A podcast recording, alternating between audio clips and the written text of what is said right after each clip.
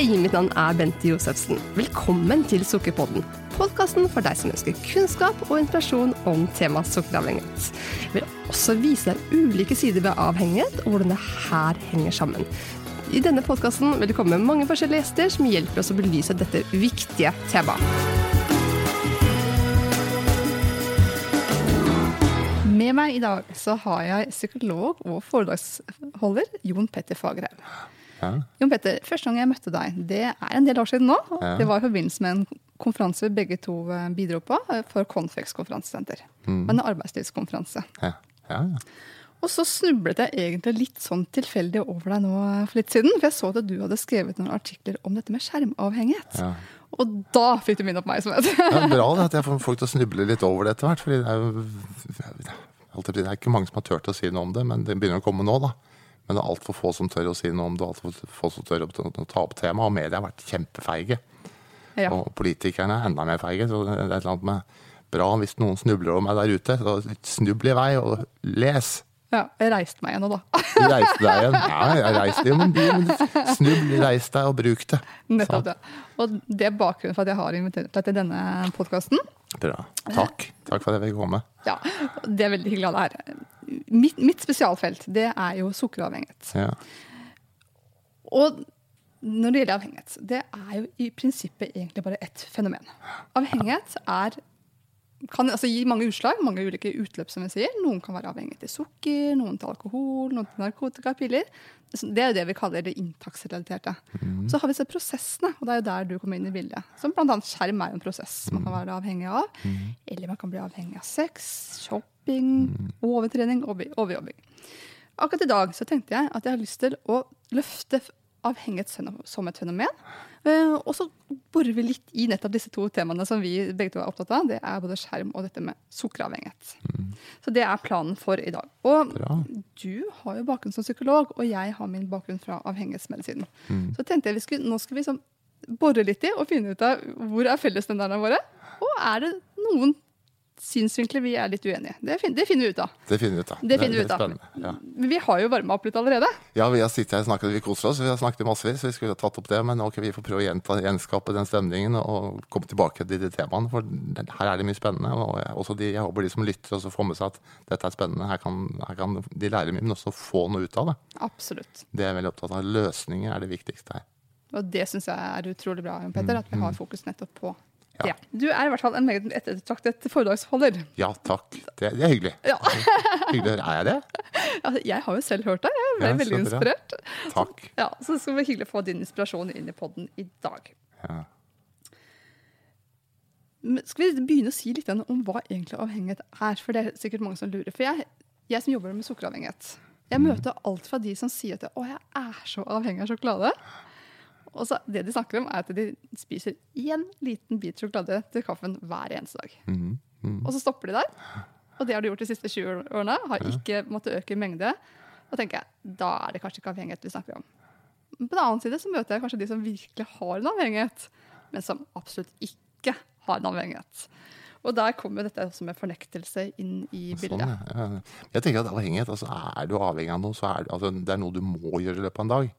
Så avhengig er der. Altså, jeg er ikke så opptatt av om, om det er mye eller lite. Men det jeg er mer opptatt av, er noe du, avhengighet er noe du må gjøre hver dag. Og, det er, og konsekvensen av det.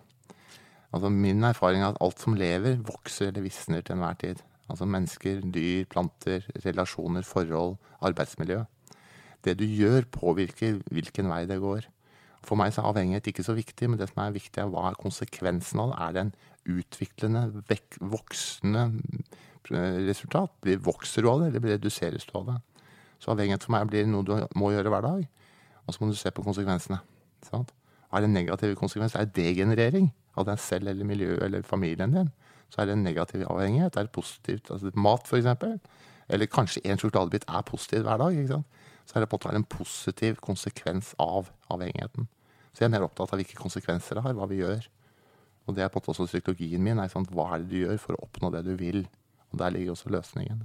Mens mange i dag gjør ting uten å tenke over konsekvensene av det. Og da er vi tilbake til de negative prosessene. Som en konsekvens av f.eks. av teknologiavhengighet eller teknologidop. da. Ja, digitale dop. Digital sånn. dop, ikke sant. Ja, Ja. Som, jeg, som jeg er opptatt av. Det er jo det, men det en, har en negativ konsekvens, den avhengigheten. Ja. Og det er klart at Vi har jo litt forskjellige faglige plattformer, og det, og det gjør det hele veldig interessant, synes jeg. Eh, fordi at det er det vi snakker om når det gjelder avhengighet. I det norske språket så skiller man egentlig ikke på avhengighet og det å ha behov for noe. Derfor så kan det være nyttig å se på som, betydningen av begrepet. Og Hvis man oversetter til engelsk, så snakker man om addiction. Og da plutselig snakker det er noe helt annet. Det brukes kun når man snakker om at man har en, en, en avhengighet til enten da en substans som alkohol, sukker, eller en prosess som skjerm. Ja, men det er også, addiction det er også negativt, eh, negativt oppfattet som en negativ tilstand eller negativt fenomen. Gjør det ikke det? Jo, altså for de som har det, så oppleves det her som et stort problem. Men det som er viktig budskap, er jo at det her kan man gjøre noe med. Det er jo det viktige her. Og som vi to har vært litt inne på i, når vi varma opp, det er jo at én ting er jo å en ting er å bli rammet av noe. Men en annen ting er jo det at vi har jo alle et ansvar. Vi kan jo gjøre noe med det. Ja, det som er spennende i min verden, er, at jeg er opptatt av å formidle at du kan gjøre mer med det enn du er klar over, enn du, enn du, enn du, enn du, vet. Og jeg er sånn satt, setter veldig på spissen, er litt stygg når jeg sier at det, det er ingen alkohol, det er ingen ølflaske som kaster seg inn i munnen din, det er ingen røyk som kaster seg inn i munnen din, det er ingen uh, Mobilen hopp, løper ikke etter deg. Så hvis du ser på hva du faktisk gjør, uansett årsaken, så er det, et eller annet, det er noe du faktisk bruker som regel hendene til. da. Og de hendene er noe du kan styre, og du styrer så Når jeg er litt tøff i trynet, så sier jeg at avhengighet er rent valg. Selv om mange og Hvorfor jeg sier jeg er tøff, det er mange som ikke føler det, for de føler at de må. Ja, ja. Men se på hva du gjør, så ser du at hånden din gjør et eller annet. Og så kan du faktisk styre den hånden selv. så måten, Hvorfor jeg sier det er ikke å tråkke på noen og være slem mot noen, men å si at når du begynner å leke litt med at jeg har et valg, så vil du også merke en følelse av at da kan du faktisk gjøre noe med det. Oi, så kult. Jøss, yes, kan jeg det? hadde det jeg ikke tenkt på. Nei, det var lurt. Så derfor så er annet, jeg prøver å ansvarliggjøre folk, ikke tråkke dem ned. Og det, og klart, det er hårfint skille. Ja, hårfint skille, men altså, samtidig så må du alltid provosere litt. Ja. Og derfor sier jeg at prøv, prøv, prøv. Hvis du absolutt du tar deg en øl, da. Sant? Hvis du absolutt må ha en øl, du tror du må ha en øl, så vent et minutt. Vent et minutt til. Bare sånn leke med det og si at har jeg valg? Og har jeg et valg i et minutt? Sikkert også i forhold til sukkeravhengighet. Kan du velge å vente et minutt? Kult, da får jeg greie ett minutt. Kanskje i morgen greier jeg to. Kanskje neste år greier jeg tre. ikke sant? Så da begynner man å kjenne den effekten at jeg kan faktisk styre livet mitt mye mer enn jeg er klar over. Og det har er mange konsekvenser. Mange folk er opptatt av kontroll, og når du kan ta kontrollen over deg selv på den måten her, så er åh, du får den «Hei, hei, jeg, jeg, jeg er sjefen, ikke sant? Det er en helt herlig følelse. så da er vi inne på det med løsninger, som jeg er mye mer opptatt av. Og det jo, og det er jo en av mantraene i all, all type avhengighetsbehandling, faktisk. Det er at vi tar, vi tar én dag av gangen. Mm. Fordi at når man, når man opplever at man har en avhengighet, så vil det tanken på å være uten det man Mm. er avhengig av resten av livet, det er jo en helt umulig tanke. Ja, den, For alle. Ja, Aldri mer spise sjokolade. må, ikke, må ikke tenke den tanken. Nei, og da er jo nettopp det her. Men hva med i dag? Kan du bare for i dag Mm, mm. avstå? Ja, eller bare for denne timen. Ja, og noen ganger så bryter vi identitet om det i enda mindre. At det er kanskje bare fem minutter eller en, eller en time. Ja, ja, for det er- er å venne seg til at du faktisk kan leve uten det litt, og så kan du ta litt til. Altså. Min definisjon av vinner da, er jo den som vinner over seg selv. Så hvis jeg dropper, jeg røyker, sant? skyt meg. Ja.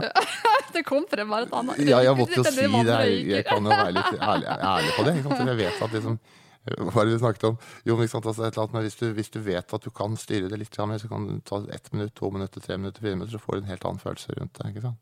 Så derfor er det et eller annet, Nå glemte jeg helt hva jeg skal si igjen. Det går bra. Hvor var vi? Vi var på det å ta kontroll. Ja, det, det å ta kontroll. ikke sant? Ja, altså, min definisjon av vinne er jo nettopp det når du vinner over deg selv. Og det gjør du ved å liksom redusere, eller f.eks. ha fokus på nå skal jeg ta meg en røykepause. Jeg, jeg prøver, prøver på meg selv for tiden, det er ganske kult. Det betyr ikke en pause hvor jeg røyker, men pause fra røyken. Å, det var det du mente. Ja, og da tenker jeg nå skal jeg ta en røykepause på en halvtime. Ja. Skal jeg se, altså, Åssen er det? Og da skal jeg fokusere på det å være røykfri, ikke det å ikke røyke. Det gjør også noe med språket du bruker. Jeg skal ikke spise eller ikke drikke eller ikke bruke mobilen. Det, det funker ikke. For ikke funker ikke. For da tenker du på mobilen. Jeg tenker på, men jeg setter meg på terrassen og at nå skal jeg sitte her en halvtime og kjenne på pusten og bare føle hvor deilig det er å være røykfri. Når jeg greier det, så er, på, i løpet av en dag, så, er, så kan jeg røyke så mye jeg vil etterpå. Men poenget er ikke det. Poenget er at du venner deg til en ny atferd, en ny vane. som veldig mye av- avhengighet har egentlig blitt en vane. da. Sant? Det, vi snakker jo om at vi, altså det er jo nervebaner i hjernen vi snakker om her. ja. Og at når, når vi skal endre en vane, så er, må vi bygge ner nye nervebaner. Og det er som at Man kan forestille seg at man skal gå tur i skogen, vi skal lage en ny sti. Mhm. Man ser ikke den stien etter første tur, men man får gå faktisk ganske så mange turer. Ja. Og det er klart at Når man lever i et avhengighetsmønster i veldig mange år, så er det ikke som å ha en sti her, det er som å ha motorvei Ja, i hjernen faktisk med vaner. Godt bilde. Så man må på en måte kanskje få litt hjelp til å bygge nye nervebaner. Og Mm, lære litt teknikker, for det, det finnes. Mm. Ja, ja, ja, det er derfor jeg- vi er, når vi jobber med mennesker, er opptatt av å finne alternativer. Finne, liksom, hvis du skal da lage en ny vei, da. Bildet du bruker er veldig fint, eh, Bente. Hvis du skal lage en ny vei, så må du begynne å se litt på hvordan ser den veien ut, hvordan føles den veien ut. Er den en ålreit vei? Kan du nyte den veien? Kan du, liksom, altså, du må lage et alternativ som er nesten like godt eller bedre. Som også har en, som jeg sa, ikke en degenererende effekt, men en positiv effekt. Mm. Så Derfor er det ofte sånn når folk sier nei til noe, så må jeg tvinge de til noe. Hva skal du gjøre istedenfor? Jeg vil ikke. Det, funker ikke. Sant? Så det vi ofte gjør, er å finne alternative måter. Sånn som Her om dagen snakket jeg om mobbing for, for, for en, en, ungdomsorganisasjon. Og så spurte jeg hva er det motsatte av mobbing. For det er, apropos, det er noe helt annet. Man, man har fokus på vi skal ikke Vi mobbe. skal ikke mobbe. Hvordan, eh, er, hva, er, hva er det motsatte? Det er, det er nesten ikke noe motsatt begrep. Noen foreslår skryte, men når du ikke har et alternativ Det er det veldig mange avhengige, uansett hva det er, ikke har. Tror de ikke har. Sitter på T-banen for eksempel, og skal sitte og gnukke på denne mobilen sin. Liksom. De tenker at de har alternativ å sitte her og ha det vondt eller kjede meg, eller faktisk se andre mennesker i øya, som er litt- litt skummelt. Ikke sant? Så vi må lage alternativer som, som på en måte er mer, mye mer sunne, slik at man får et reelt valg. Og det er mulig. Veldig, veldig mulig. Sant? Og der kommer vi jo inn på det temaet som jeg, vi skulle bore litt i dag. Nettopp det her med mobiltelefoner. Ja. Fordi vi, vi snakket jo om at dette er jo ganske ny teknologi for oss. Ja. Ja. Ja. Og en gang i tiden så ble vi også advart mot TV. Ja, ja, ja. Ja. ja, ja. Og for, i fare for å bli oppfatta som sånne gamle særinger, da. ja, ja, ja. Hva er det som er problematisk med denne mobiltelefonen? mener? Altså, det første så er det ikke, altså, Det er en kjempekult verktøy. Og det er morsomt at den har mange bra muligheter, mange bra funksjoner. Bare gjør det klart at det er enormt mye positivt. Det er verdens beste hjelpemiddel. Sant? Så det, det er viktig å liksom, ha det tydelig for seg, men ikke være gammeldags.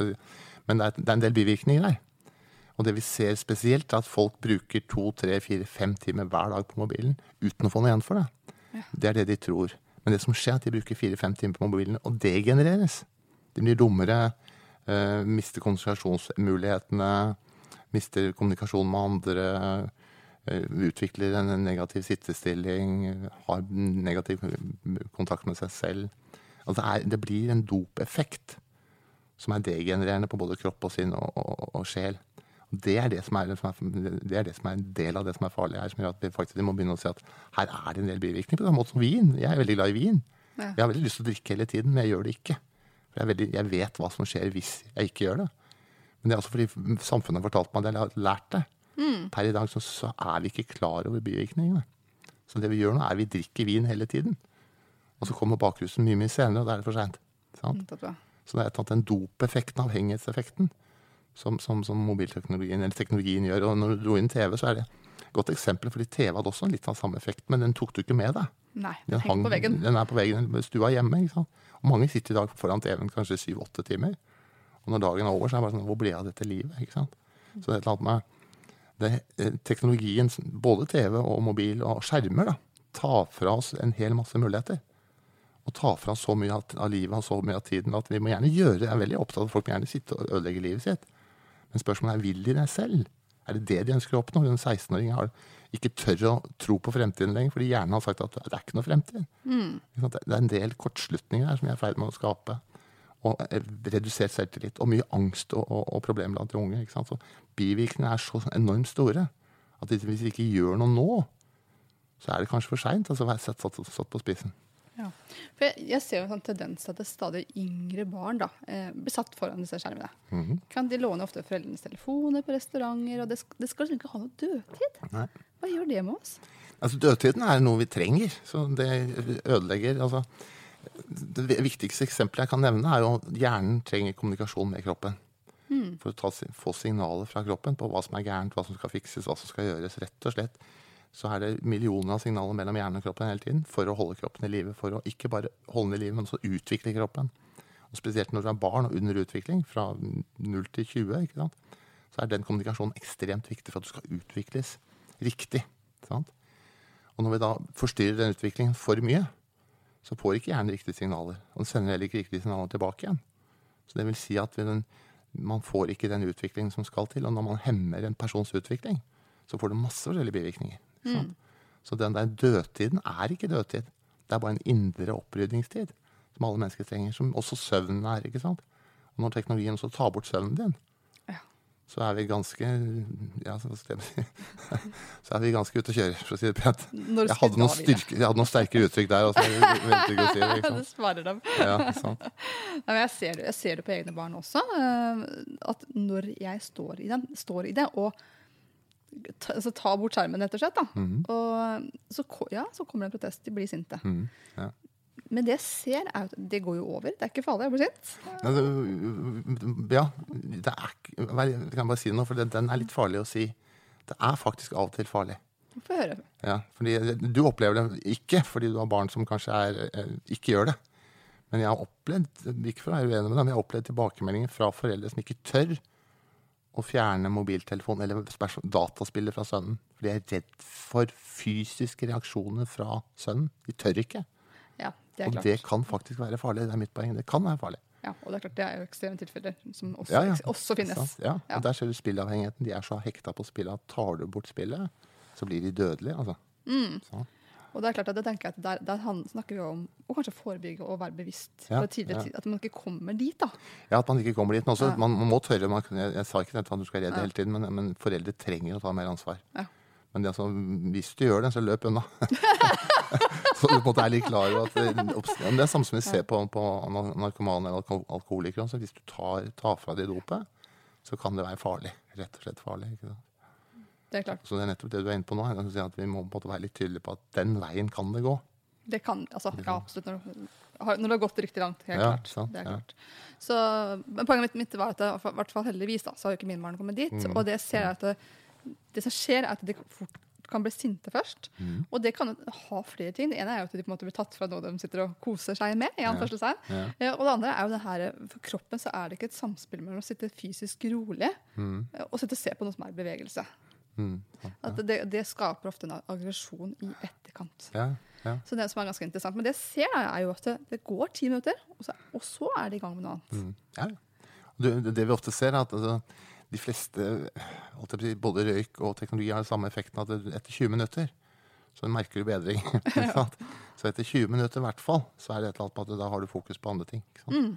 Så det å vite det at den prosessen tar litt tid, men samtidig så er det et eller annet med at hvis du opplever at barna reagerer sånn, så er, det, er du på feil vei. Ja. Og det å vite, ta det som faresignal og si at uh, uh, sånn skal det ikke være. Sånn. Og derfor er jeg tilbake til avhengighet. Avhengighet er noe du må gjøre. Mm. Og derfor så blir dette en avhengighet når barna reagerer negativt. Det er fordi de må gjøre det. Mm. Tror de. Ikke sant? Så derfor jeg tenker jeg at det er litt fint at du sier det, for da kan liksom de som hører på, tenke at ok, hvis barnet mitt reagerer sånn, da er jeg kanskje allerede for sløv, for snill, for dum, da. Ja.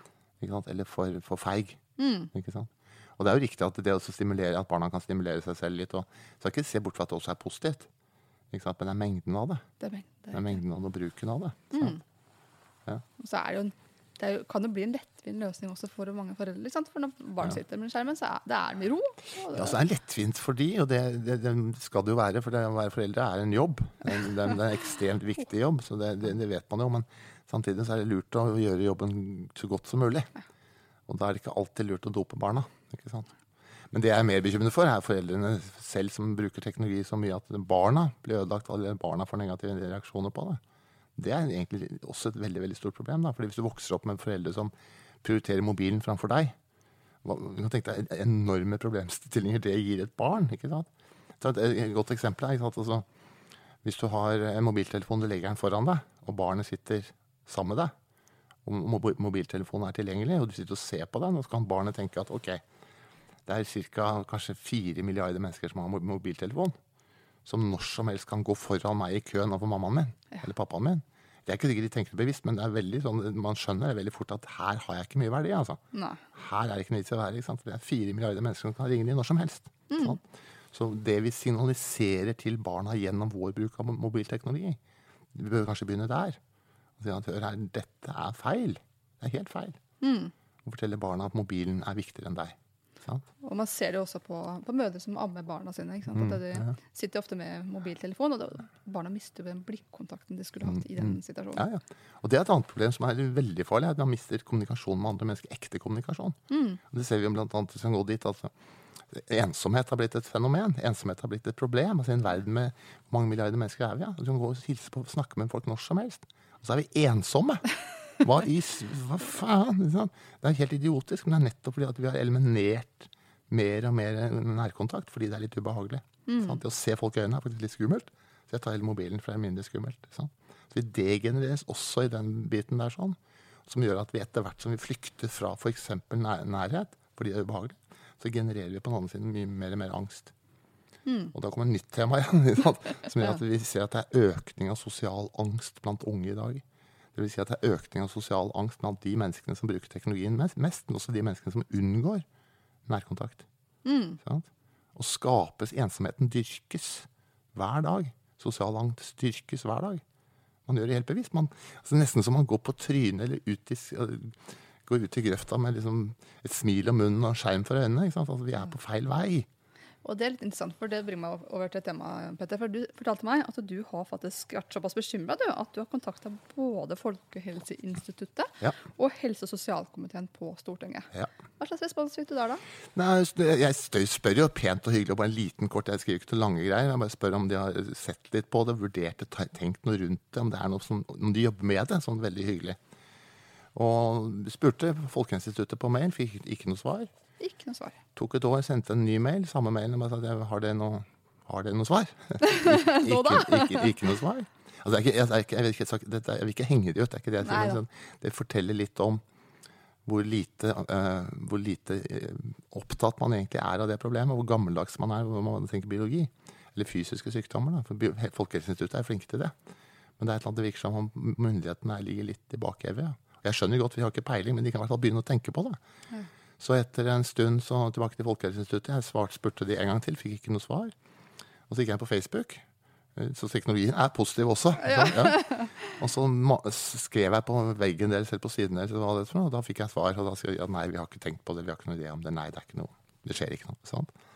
Og da tok jeg ja, satt på pris på svaret, og så tenkte jeg ok, hva skjer hvis jeg sender en mail, kort, hyggelig mail til Stortinget og sier Stortinget, Stortingets helse- og sosialkomité sier at har dere tenkt på det? Sånn. Og da har jeg ikke fått noe svar. Sant? Og så var det en VG-journalist som fikk alle disse mailene, som skulle skrive om det, som ikke har skrevet om det. Sant? Ja.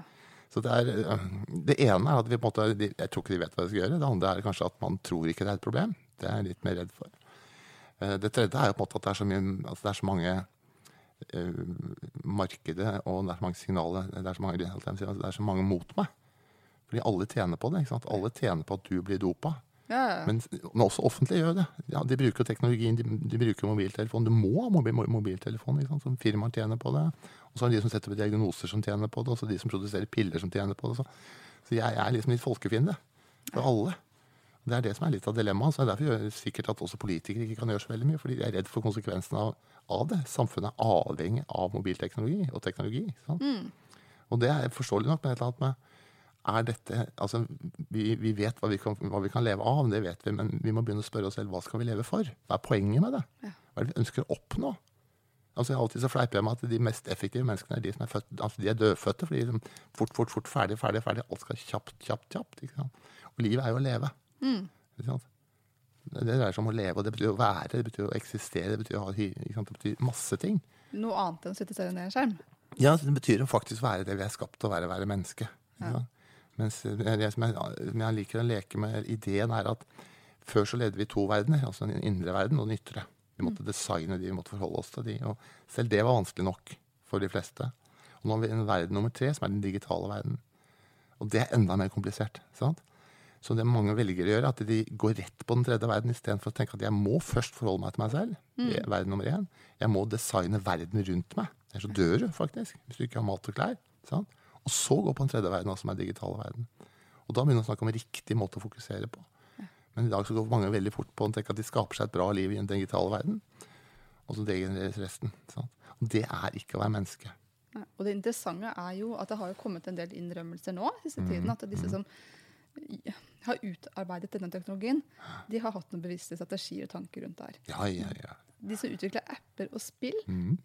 er bevisste på at det skaper produkter som er avhengighetsskapende. Ja, altså, Deres jobb er å ta din tid, din oppmerksomhet. Det er det de er ute etter. Det sitter tusenvis av mennesker akkurat nå som er, har én funksjon, det er å lure deg til å bruke produktet. Ja, og, de, og de har kunnskap om avhengighet. Mm. og De vet akkurat hvilke mekanismer som skal til for at hjernen skal produsere altså bl.a. dopamin, som Mm. er sånn lykkehormon som i lengden kan gjøre oss avhengig av hekta. Mm. Mm.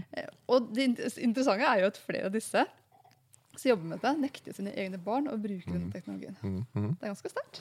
Ja, Det enda sterkere er jo det jeg så ett firma som produserte dataspill. Som, han som lagde det, han så hvor avhengig folk ble. Så han, han la ned hele firmaet, la ned spillet, selv om han tjente millioner av dollar på det. Han la ned, for han orket ikke å sitte og være dopusher. Og det er det som i praksis er veldig mange her. De er rene dopushere. Selv om det da f.eks. er programmer som er nytteprogrammer. ikke sant? Hvis du ser på Yr, for eksempel, så er det veldig fancy og morsomt å se. og Ikke bare Yr, men også veldig mye fancy programmer som stimulerer deg. Men det du gjør, det blir praktisk talt lurt. Du har det godt der og da. Og når du er ferdig, så er det på en måte ingenting igjen for det. Du har en negativ utvikling rundt det. Sant? Så du blir praktisk talt lurt av både offentlige og private teknologiutviklere, teknologipushere. For det er det de er, teknologipushere. Sant? Det er helt riktig. Jeg så tenker jeg at det, hvis, vi, drar det litt, litt, litt opp igjen et, et nivå nå, og Ja, ja. tilbake til dette med avhengighet, så skal vi se på sånn, hva ulike avhengigheter har til felles. Fordi at når vi snakker om avhengighet, så det handler om en atferd. Mm. Eh, og det vi vet som er til felles for all type avhengighet, det er jo bl.a. at vi gjemmer og smyger. Eh, fordi at hvis man, har, hvis man har gjemt flasker rundt i hele huset Mm. Man gjør jo ikke det hvis man ikke har en avhengighet. Nei, nei, nei. Og det samme kan man faktisk se også med telefon, selv om den er ganske interessant fordi at hvis jeg hadde sittet med en heroin, heroinsprøyte på T-banen, så hadde jo folk reagert. Ikke sant? Men ja. at man sitter med den telefonen, Ja. det reagerer jo ikke folk på. Nei. Men allikevel så tenker jeg at idet man begynner, får kanskje kritikk da, for, fra omverdenen, at man sitter litt mye på en telefon, Mm. Og så begynner man å få behov for å gjemme at man driver med avhengighet. Kanskje man tar den med på do til og med. Ja, men det er mange som gjør. Derfor, det, er det, det, er også, det er den skammen rundt det, at det blir negativt rundt det, som gjør at man må stikke seg unna. Sant? Men, det, men det som er problemet i dag, er at det er så allment akseptert. Ja. Og selv om, sant, altså jeg tenker at selv om tusen mennesker gjør noe dumt, så er det fortsatt dumt. Det er litt der vi er. Men før så var jo lobotomi allmenn akseptert. Før årelating var allmenn akseptert. Røyking var allmenn akseptert. Jorden var flat i tusenvis av år. ikke sant? Så et eller annet at vi, vi lar det bli akseptabelt. Og påvirke hverandre positivt. sant? Derfor er jeg så opptatt av å løfte det også opp på det offentlige nivå. At vi begynner å sende signaler. Jeg er ikke opptatt av regulering, men at vi sender signaler at hallo, her er det noe vi må gjøre noe med, eller faktisk gjøre noe med det. At det blir akseptabelt å si at du sitter ikke på trikken og prater i mobilen. Mm. Du, tar, du er ikke så harry. At det er rett og slett harry. Det er hensynsløst. Det er dårlig gjort å sitte der og skravle høyt i mobilen til en venninne eller hva det er for noe, mens det sitter folk ved siden av deg. ikke? Så det er nesten som vi, har blitt, vi er for umodne for det. Men et annet problem som også er interessant, er at vi er vant til at det som er farlig, blir regulert av det offentlige. Mm. Så vi tenker at når det ikke blir regulert, ikke blir sagt noe om, det er ikke farlig. Det er derfor det offentlige også må inn i bildet. Ikke regulering, men i hvert fall tørre, jeg må ha, i hvert fall ha noen som tør å si fra fra, fra høyeste hold at hør her, vi må lære oss å bruke dette her på en helt annen måte. Et godt eksempel er at vi har regulering av alt mulig annet rart. F.eks. stikkpiller. Smertestillende stikkpiller. Det er regulert fordi de er redd for at noen skal ta overdose av smertestillende stikkpiller. Altså Hvis du gjør det, da har du et større problem. ikke sant? Har du vært borti det? Nei, jeg har bare hørt om det. Er Stikkpiller. Ja, det må jeg ha. Så derfor er det et eller annet med at vi det er et eller annet å tenke nytt om det nye. Vi må ikke være gammeldagse, for det hjelper jo ikke når vi er kommet for å bli. Og det er bra ting. Bra, de fleste som sitter og hører på oss, sitter jo med det. Så dette er en bra måte å gjøre det på. Ikke sant? For da lærer du, forhåpentligvis. Eller blir provosert. Så derfor er det, det er en bra ting, men vi må tenke nytt om det nye. Dette er nytt. Vi må, hvordan kan vi håndtere det til fordel for menneskeheten? Ikke som en ulempe. Og det vi er i ferd med, er at vi, vi degenererer oss selv. Og så utvikler vi teknologi som lærer seg selv opp, utvikler seg selv. Så vi ender opp med at vi blir de nye apene. Og teknologien utvikler en ny rase som overtar verden på, satt, satt på spissen. da. Så- Litt som Matrix, fikk jeg følelsen ja, det blir sånn Matrix, og Vi er i ferd med å generere en hel masse scenarioer som vi ikke ønsker oss. Og Vi må begynne å se på det. Noen flere som har begynt å se på det allerede. og begynne å snakke om at, skal, at teknologi og mennesker skal slås sammen og masse sånne ideer rundt det. ikke sant? Men det er et eller annet man begynner å spørre selv hva er det vi egentlig ønsker å leve for. Vi må dit, altså. Er vi på rett vei? Overhodet ikke. Nei. Vi er nesten litt sånn jeg ser på jeg tror I Gamle testamentet tror jeg Israel, staten Israel gikk til grunne seks eller fem eller seks ganger. så vidt jeg husker.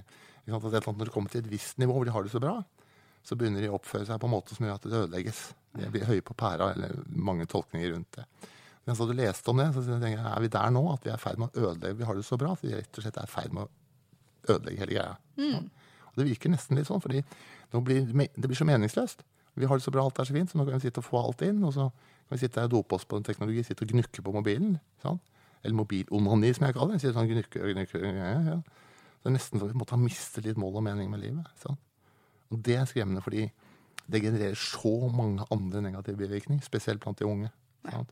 Og de unge har aldri vært mer negative til fremtiden enn nå. enn De har vært, eller, som, de har aldri vært mer negative til fremtiden. Fordi de også begynner å degenerere i forhold til hva de ønsker, og hva de ønsker å få til. Mm. Begynner å miste troen på seg selv. Sant? Og de har jo ingen, som vi var inne på, de har jo ingen trening og ikke gjøre ingenting. Nei, nei, nei, ikke sant. Det, det, og de og forstår derfor, begrepet. Ja, det er derfor det er så morsomt at det nå begynner å bli snakk om litt livsmestring eller hva det er for noe i, i skolene. At vi må begynne å For å si det sånn, i denne verden som vi lever i nå, hvor det kreves så mye av deg, så må noen hjelpe deg og styrke deg mm. underveis. Ikke bare faglig, men også, men også altså, i forhold til psykisk helse. Og vi har nå et prosjekt i Agder først, da, nå oppe, oppe i Nordland, hvor vi jobber med motivasjon av elevene at lærerne bruker én time i måneden på å motivere elever. Det er fantastisk. Og det er kjempeherlig. Det er sånn Du kjenner at det er så vakkert. Også fordi at det påvirker mobbing, f.eks., men det påvirker også hvordan de bruker teknologien. Og det styrker eleven for en møte med fremtiden. sant? Mm. For det vi også ser ma mye mas om, er at de unge sier det er så mye press overalt. Hvor er det det presset er? Jo, det er på en skjerm. Ja, så dropp den forbanna skjermen, da. Som da er vanskelig. Så vi må gjøre det. Dette funker ikke. Vi må gjøre det annerledes. Jeg, jeg, tenker, jeg, har tenkt mye da, at jeg tror det vil bli større marked etter hvert for etter digitale detoxer. Ja, ja absolutt. absolutt. Så, og, og sånn som jeg elsker sånne her stillevogner. Ja. Jeg elsker stillevogn på T-banen. på toget. Jeg skal ha stillevogn på T-banen også. ikke sant? Og Det er ikke bare fordi jeg er gammel og sau, men at man, man trenger tid til å slappe av, trenger tid til å puste ut. trenger tid. Det å reise er en perfekt tid til å sitte og se i taket. helt herlig. Ja, Når jeg går på T-banen i dag, så kan jeg gå, gå naken. Ingen som ser, ser meg. Ja. De sitter bare og gnukker. Det mest absurde er at når du ser i taket, så vil du si at det er reklame i taket. For idiotisk firma som bruker millioner av kroner på reklame i taket og holder det ned. ja, det blir på gulvet. Ja, Og så er det til og med reklame for mobilprodukter. Altså, det, er, det, er, så mye vi ikke skjønner her. Ja. Så vi er rett og slett på feil vei på veldig mange måter, og må si at ok, på tide å sette fingeren i jorda og si at ok, dette er kult, dette er bra, sånn er det, men vi må gjøre noe. Og det er det, altså Jeg snakker veldig mye om at, at Samfunnet har veldig mange avhengighetsskapende elementer nå. altså mm, mm. En ting er at mobiltelefonen snakker om. Vi tok bort spilleautomatene i butikken, men hva skjedde? Jo, de, man flytta det til internett. Mm, mm. Matindustrien. Som jeg sier, mens vi sov, så skjedde det mye med maten vår. Mm. Det er faktisk sukker i 80% av maten i dag. Mm, mm. Så det har jo skjedd noe på samfunnsnivå her som vi kanskje ikke helt har fått med oss. tenker jeg. Mm, og at vi ikke skal være naive på at industrien har sin agenda. Nei, de skal tjene penger. De skal tjene penger. Mm, de har sin agenda både når det gjelder mobilteknologi, mm. men også det med mat. Mm. At de produserer mat der som vi vet er avhengighetsskapende, mm, faktisk. Mm, mm, og så tenker jeg, Da er det viktig at vi får ut informasjon, så folk kan bli kompetente og ta noen valg. da. Ja, Det er derfor jeg nettopp er opptatt av at vi må gjøre noe på det, på, på, på det høyeste nivå, offentlige nivå, nivå, så vi får liksom akseptable eh, sannheter. på en måte får det litt ut. Altså, jeg er ikke så veldig opptatt av å regulere. Jeg er opptatt av fritt marked, jeg er opptatt av at folk skal tjene penger, jeg er opptatt av business. Men når vi lever i så regulert samfunn som jeg snakket om i stad, så da må vi også tillate at politikerne også, eller systemet bruker litt tid på å fortelle litt om hallo, dette er ikke alltid sånn vi vil ha det. Dette er ikke riktig, dette er feil. For det er litt av dilemmaet nå med det frie markedet. er nettopp at de, de vil tjene penger. Mm. ikke sant? Men det er ikke alltid i en så stor informasjonsverden det er ikke alltid vi vet om det. Sant? Derfor er det lurt at vi da bruker F.eks. som Folkehelseinstituttet eller, eller Stortinget eller opinionsledere eller forskere også for den saks skyld, og, og rapportere til at det, dette er sånn er det. Vær litt mer bevisst på hva du gjør. For det, det som er litt av problemet nå, at gjennom f.eks. teknologiavhengighet, så tenker man jo mindre. Ja. Det vil si at Man tenker mindre, så blir man mindre smart. Så blir man mindre smart, så bare følger man mer, og så kobler man ut hjernen, og så bare gjør man ting. Mm. Så man blir dummere samtidig som man blir enda dummere. man er dummere for man tar ikke valg, så blir man enda dummere. Og Et godt bilde på det synes jeg er at når man snakker avhengighet, så er det sånn at altså, Det er som om man har sånn stengt av største delen av hjernen. Altså, Mm, altså Man slår på lysbryter i hallen, men det, det stråler ikke ut i rommet. Det Mm. bare lyser i hallen. Det er som ett område i hjernen som har all oppmerksomhet. Mm, mm. Så det er, det er et kjempeproblem. Og det, vi vet at de som har ulike avhengigheter, de har faktisk ikke utvikla hjernen som den skal. Mm, Er egentlig ikke blitt ordentlig voksen. mm. Så det er det fantastiske at når man hjelper mennesker ut av avhengigheter, Mm, det kommer tilfredsstillelse, så får man sånn koble opp og lyse opp hele hjernen. Ja, du får til hele ja, ja, Tilgang til helt nye områder i hjernen, som gjør at man får ut det egentlige potensialet man faktisk har Mm. i seg. Ja. Det er derfor vi sa at de unge, er, unge tror ikke på sitt eget potensial lenger, fordi de er lært opp til å ikke tro det. De får en sånn lært hjelpeløshet. Mm. Jeg hører flere, spesielt jeg har hørt tre eller fire unge jenter som sier at jeg skulle, bli, jeg skulle ønske jeg kunne bli psykolog, men jeg blir sykepleier isteden. Jeg tør ikke, eller jeg har ikke karakterer nok. Ja. Det er de samme kidsa som sitter tre eller fire eller fem timer på mobilen hver dag. Ja. Tenk deg i løpet av ti år, og du kan bli psykolog og lege på den tiden. Så det er et eller annet med å se at den gener- degenererer, også den, det du er inne på nå, det gjør at resten av hjernen, resten av kroppen, får en degenererende effekt. Du mister troen på deg selv, mister selvtilliten, du mister følelsen av at du faktisk er verdt noe annet enn den jævla mobilen. Mm. Det er det som er skremmende, for den blir på en måte den viktigste i livet. Som jeg liker å si, at det er som å vaske badet ditt. Hvert år, eh, hvert, hver dag i et år la resten av huset forfalle. fordi vi ser at resten av hjernen forfaller. Vi ser at resten av kroppen forfaller. Mm. Eh, En bok som er ganske spennende, som heter 'Digital demens', viser jo at man får demenslignende reaksjoner i hjernen på barn langt ned på mennesker langt under 40. Ikke sant? Så det er derfor vi ser at avhengigheten er degenererende, som avhengighet ofte er, Ja. så vil vi si at ok, kanskje vi skal gjøre noe med det. Kanskje det er lurt å gjøre noe med det. Ja, ja, For dette er, dette er ikke lurt. Nei. Det er helt riktig. Altså, det er forskjell på å drikke en glass vin og en kasse vin. Ja, er... Men, nå sitter vi og nipper til en kasse vin hele dagen. Det er jævlig, veldig kult i begynnelsen, men etter hvert så er ikke det så kjempelurt. Nei, og det interessante når det gjelder mm, da avhengighet, er jo at i starten av enhver avhengighet så vil man på en måte ha en lykkeoppfølelse. Mm, En? Lykkefølelse, Enten det er å drikke alkohol, eller spise sukker eller sitte med den mobilen. Mm. Men så vet vi at etter hvert så avtar effekten. Mm, mm, Og det handler jo om hva som faktisk skjer i hjernen. mm, Vi har res- reseptorer som skal ta imot disse hormonene, bl.a. lykkehormonene, som dopamin. mm. Ja, Og over tid, hvis man fortsetter å pøse på og pøse på, så skjer det en nedregulering i hjernen som Mm. gjør at den tar ikke imot disse hormonene lenger. Man sitter og gjør samme ting, det gir ikke samme opplevelse. Nei, men, det, men det, det som skjer, er at hvis man ikke gjør det, så må man ha negativ effekt. Det gjør man helt klart, da vil man oppleve abstinens. Ja. Det som, det som er interessant, er jo at normalnivået av lykke, det Mm. går ned. Og så parallelt så trenger man en større mengde for Mm. å prøve å oppnå samme effekt. Hvilket man egentlig aldri Man kommer ikke tilbake til den opprinnelige effekten. Ikke sant? Ja. Så det, og dette her gjelder jo alle typer avhengigheter, om det er alkohol eller skjerm eller sukker. Så man vil øke og øke og øke mengden. Derfor så er det ekstremt viktig å ta det på alvor Mm, og få ta tak i det hvis man oppdager at det, man har den avhengigheten. mm. Ja, det er jo det, så det er det som er litt av min vinkling også. er at du, du, du genererer den, og du opprettholder den. Men det jeg ser ofte, er nettopp den frykten du får for å ikke gjøre det. At det er det som opprettholder enda mer. At du, du får kanskje ikke samme følelsen av å gjøre det, som du sier. Men du blir enda mer redd for å ikke gjøre det. Og så blir du enda mer redd for å ikke gjøre noe. hver gang du kjenner det ubehaget og Dette er ganske viktig. Med en gang du kjenner et ubehag i kroppen, så begynner du å, å stimulere det ubehaget vekk. Et ubehag som egentlig er, er en vekstsignal. Voks, et ubehag som egentlig er noe du trenger å kjenne på å gjøre noe med. Det er på en måte en vokstsignal, vekstsignal. Så, så gjennom det så blir du sånn blir så redd for å ikke bruke det. At det er det alt dreier seg om, er frykten, å kontrollere frykten for å ikke kunne bruke det. Det er det som opprettholder atferden vanligvis, er fordi at det er så vondt. Ja, man går, altså man går rett og slett inn i en sånn loop hvor Ja. det, er, det oppstår en smerte. Så har man én løsning på det. Det er å dope seg ned Nettopp. med Ja. det man er avhengig- av. Mm. Og så har man det litt bedre en liten stund, og så kommer smerten tilbake, og så har hjernen én løsning, og det er å dope det ned Og det funker. Det funker kortsiktig, men det de fleste glemmer å tenke på, eller nesten alle glemmer på det, de tenker på at du, du, en eller annen gang i fremtiden skal du lande. Du kommer inn i fremtiden som regel. Neste uke, neste år osv. Spesielt unge. De, de må være klar over at du lander i fremtiden. Hvem vil du være når du kommer inn i fremtiden? Vil du, hva vil du ha opplevd? Hva vil du ha gjort? Og det vi glemmer, er det langsiktige perspektivet. Det er det som er en ganske kul story fra, som er ganske interessant her. er Den kortsiktige gleden ødelegger for langsiktige. Kortsiktige veksten, nytelsen, ødelegger for langsiktige. Og det vi ser også på eh, bilder man legger ut på, på sosiale medier, den kortsiktige likes-bildene, gir jo egentlig ingen effekt. Men hvis du jobber mye med å skape og ofrer nåtidens litt ubehag, tillater å ha det litt vondt nå, så kan du få til mye mer i fremtiden. Så jo mer investering du gjør, jo mer konsekvenser får det. Mens det vi i dag lærer at du skal gjøre lite og få mye. Og det gjør at du de- degenereres, og selvtilliten degenereres, også. Men det er en ganske kul story fra Homer Simpson. I en, av episodene der så, sier, så drikker han en, en glass med vodka og majones. Ok. Ja, så sier han et eller annet om at eh, dette er et problem for den fremtidige Homer, sier han. Og så sier han etterpå jeg misunner ikke den fyren. Ikke sant? Så det er et eller annet med å begynne å se litt på ok, jeg lander en gang i fremtiden. Hvordan vil jeg lande? Hva vil, jeg, sånn, hva vil fremtidige meg si til meg i dag? Men jeg se det perspektivet og si at ok, jeg har lyst på den teknologien, jeg har lyst til å sitte og gnukke på den mobilen akkurat nå.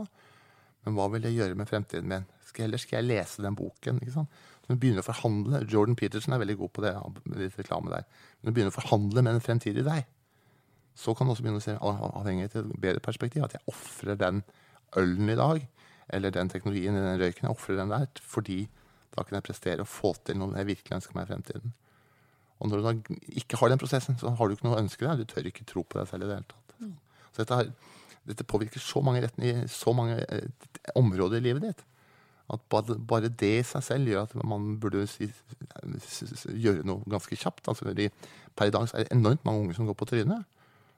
Som ofres på uvitenhetens alter. Eller på feighetens alter. Eller på å, må, alt skal være teknologisk, alt skal være digitalt. Altså, fremtiden er digital, sier jeg. Men hvis fremtiden er digital, så har ikke vi noen fremtid. For mennesket er ikke digitalt. Vi er, man, vi er, vi er humant. Sant? Så når jeg hører fremtiden er digital, så tenker jeg idiot. tenker jeg. Det er det som faktisk er det. er Idioti. Og det er viktige perspektiver du bringer inn her, eh, Jan Petter. Ja, det er så mange som går i alle retninger, men det jeg håper i hvert fall at vi får fram at folk begynner å tenke seg litt om. Hvis ikke, ikke tråkke på noen eller føle skam eller ikke føle negativt. Bare tenk, og tenk dere litt om og bare se litt på det, kjenn litt på det, lytt til magefølelsen og si at ok, er det sånn jeg vil ha familielivet mitt eller forholdet mitt? Når jeg holder foredrag, så kommer folk bort til meg og sier det du sa om teknologi, det var viktig. det var viktig, Alle, Alltid. Det kom en mann, en gutt bort til meg som sa kjæresten min drar alltid den der mobilen inn, i- inn i senga. Vi har prøvd å løse det flere ganger, men vi får det ikke til. Ikke det, er en skri, det, er skrik om hjelp fra veldig mange der ute når jeg snakker om det. Og når dere hører på dette her, så tipper jeg at også folk kjenner at ja, jeg vil gjøre noe, jeg må gjøre noe, men jeg vet ikke hva. Sant? Absolutt. Men du hadde jo noen konkrete råd også, du, Jan Petter. Du har snakka om en app her i stad. Ja, ja, ja, ja. Det er litt gøy. da. Det begynner jo, Apropos det, selv om det er litt absurd at du skal bruke telefonen for å ikke bruke telefonen. Du skal drikke øl for å bli edru. Men for folk som er avhengig av og så opptatt av telefonen, så er det i hvert fall kult at det fins en del apper som faktisk kan få deg til å regulere bruken. Og det er bedre enn ingenting. Ikke sant? Samme som meditasjonsapper er bedre enn ingenting. Men den beste med- meditasjonsmåten er å slette medita- meditasjonsappen og slå av telefonen. Eller legge bort telefonen. Men tilbake til det Hold-programmet. Jeg har testet nå en måneds tid eller to. Og det Hold heter det- Jeg liker ikke reklame for app, men for de som er avhengig av telefon, Ja. Så er det et program som gjør at du, du, du tjener på å legge bort telefonen. Du tjener poeng på å legge bort telefonen. Du konkurrerer med andre med å legge bort telefonen. Og du kan lage en statistikk over hva du gjør, legger bort, telefonen for å gjøre. Så det er absolutt, hvis du er så avhengig av telefonen som jeg opplever at mange er, og de sier det selv òg, de, de greier ikke å legge den bort, nei, da bruk den appen hvor du trykker på en knapp hvor det, hvor det står 'nå skal jeg jobbe', og så trykker du på en knapp, og så står den oppe. Og hvis du da bruker mobilen, så får du ikke noe poeng. Nei. Så du får bare poeng hvis du ikke bruker mobilen i den perioden. Så den blir en slags konkurranse med seg selv. Da. Så det er i hvert fall en fin start. Ja. Og at man da får, som de også sier, fokus på, får fokus på det som er viktig for deg. Mm. Så de, de har skjønt det er i hvert fall et sted, sted å starte. Nettopp det. Ja, det er et godt tips. Det skal jeg titte på, faktisk. Ja, gjør det. Test, test ut. Og så, ja. Absolutt. For vi trenger virkelig, vi trenger virkelig verktøy. For man, altså, hvis man virkelig har utviklet en avhengighet, da, så trenger man kompetanse på akkurat det. Mm. Eh, og noe av- utfordringen til sånn avhengighetshjerne, som kanskje blir litt motsetning til det du sa også, Petter, hvis vi ser møtes her, Ja. det er jo at den hjernen er ofte veldig sånn i her og nå. Ja, Den er ja. dårlig på konsekvenstenking. Ja. Ja. Ja. Så, det, så det handler jo ofte også om å Tilbake til det her, ta en dag av gangen. Mm, ikke sant? Um, og hjelpe kjenne her og nå. Hvordan kan du her og nå komme deg ut av det mønsteret du er i? Mm, ja. Og det er jo da om det er skjerm eller sukker eller hva det måtte være. Mm, mm. Så um, ja, men da tror jeg vi skal gå mot en uh, avrunding her nå. Men Ja, vi kan ta det her og nå, for det, det dette er viktig. Det, fordi her og nå er, Vi er der fordi vi lever her og nå. Det er kjempefint og kjempeviktig. Men det er derfor vi også bruker planlegging. Når vi jobber mer med planlegging, sånn som vi gjør med når vi jobber med motivasjon i skolene, så er vi flinke til at unge også blir bevisst på hva de ønsker å oppnå. At de i dag blir bevisst på hva de ønsker å oppnå. For her og nå kan du også tenke på fremtiden. Mm. Når du begynner å se på, begynner å kjenne at jeg vil tjene penger, eller jeg vil ditt, eller jeg vil datt. Altså, man, begynner, man begynner- å se litt til fremtiden og ønsker seg noe. Så er det også lettere å regulere avhengighet. Fordi du ser at hvis jeg vil tjene mye penger, hva skjer hvis jeg bruker de tre timene jeg bruker på mobilen på å tjene penger istedenfor? På den måten kan vi også regulere her og nå. Så planlegging er en veldig fin måte å gjøre det på. Og der bruker vi også enkle, gode verktøy. Slik at du kan bruke her og nå til noe bedre fremover. Så selv om det er vanskelig, og selv om det er, vi er mye her og nå, så er det ikke noe umulig å liksom gjøre noe med det. Og, klart det og noe, og vi vet også at mennesker er ulike når det gjelder det her med evne å se fremover. Altså Noen Ja. klarer ikke å forestille seg morgendagen, mens andre har planer om ti år. Så det, det er jo også individbasert, selvfølgelig. Absolutt. Eh, jeg tenkte bare Du kunne få avslutte med en historie hvor du fortalte at du hadde besøk av en eh, 24-åring som Oh, ja, nei, jeg var ute og spiste med, med datteren til kjæresten min, og hun er 24. Ja. Og hun satt der og var så stolt. Vi var ute og spiste. Og så sier hun «Eh, Ser dere at jeg ikke Eller hun sa Jeg vet ikke hva hun sa, men du bare så at hun var liksom litt sånn Satt og verka litt, men samtidig var veldig stolt. Og så viste det at hun hadde ikke tatt med mobiltelefonen sin for første gang i livet. På en Ja. måte, I hvert fall siste 20 årene. Og så stolt. Vet du, jeg var litt sånn der, hvorfor det? Og var litt sånn nysgjerrig på hva, hva du prøver å gjøre nå. Ikke sant? Men det viste at hun faktisk var, hadde prøvd å gjøre det. For jeg hadde sagt et eller annet om at jeg satt på T-banen og satt og så på med alle mobiljunkene på T-banen, og det var 100% avhengighet på T-banen. Altså, det er 100 det er helt skremmende. Folk er helt Ja, unnskyld.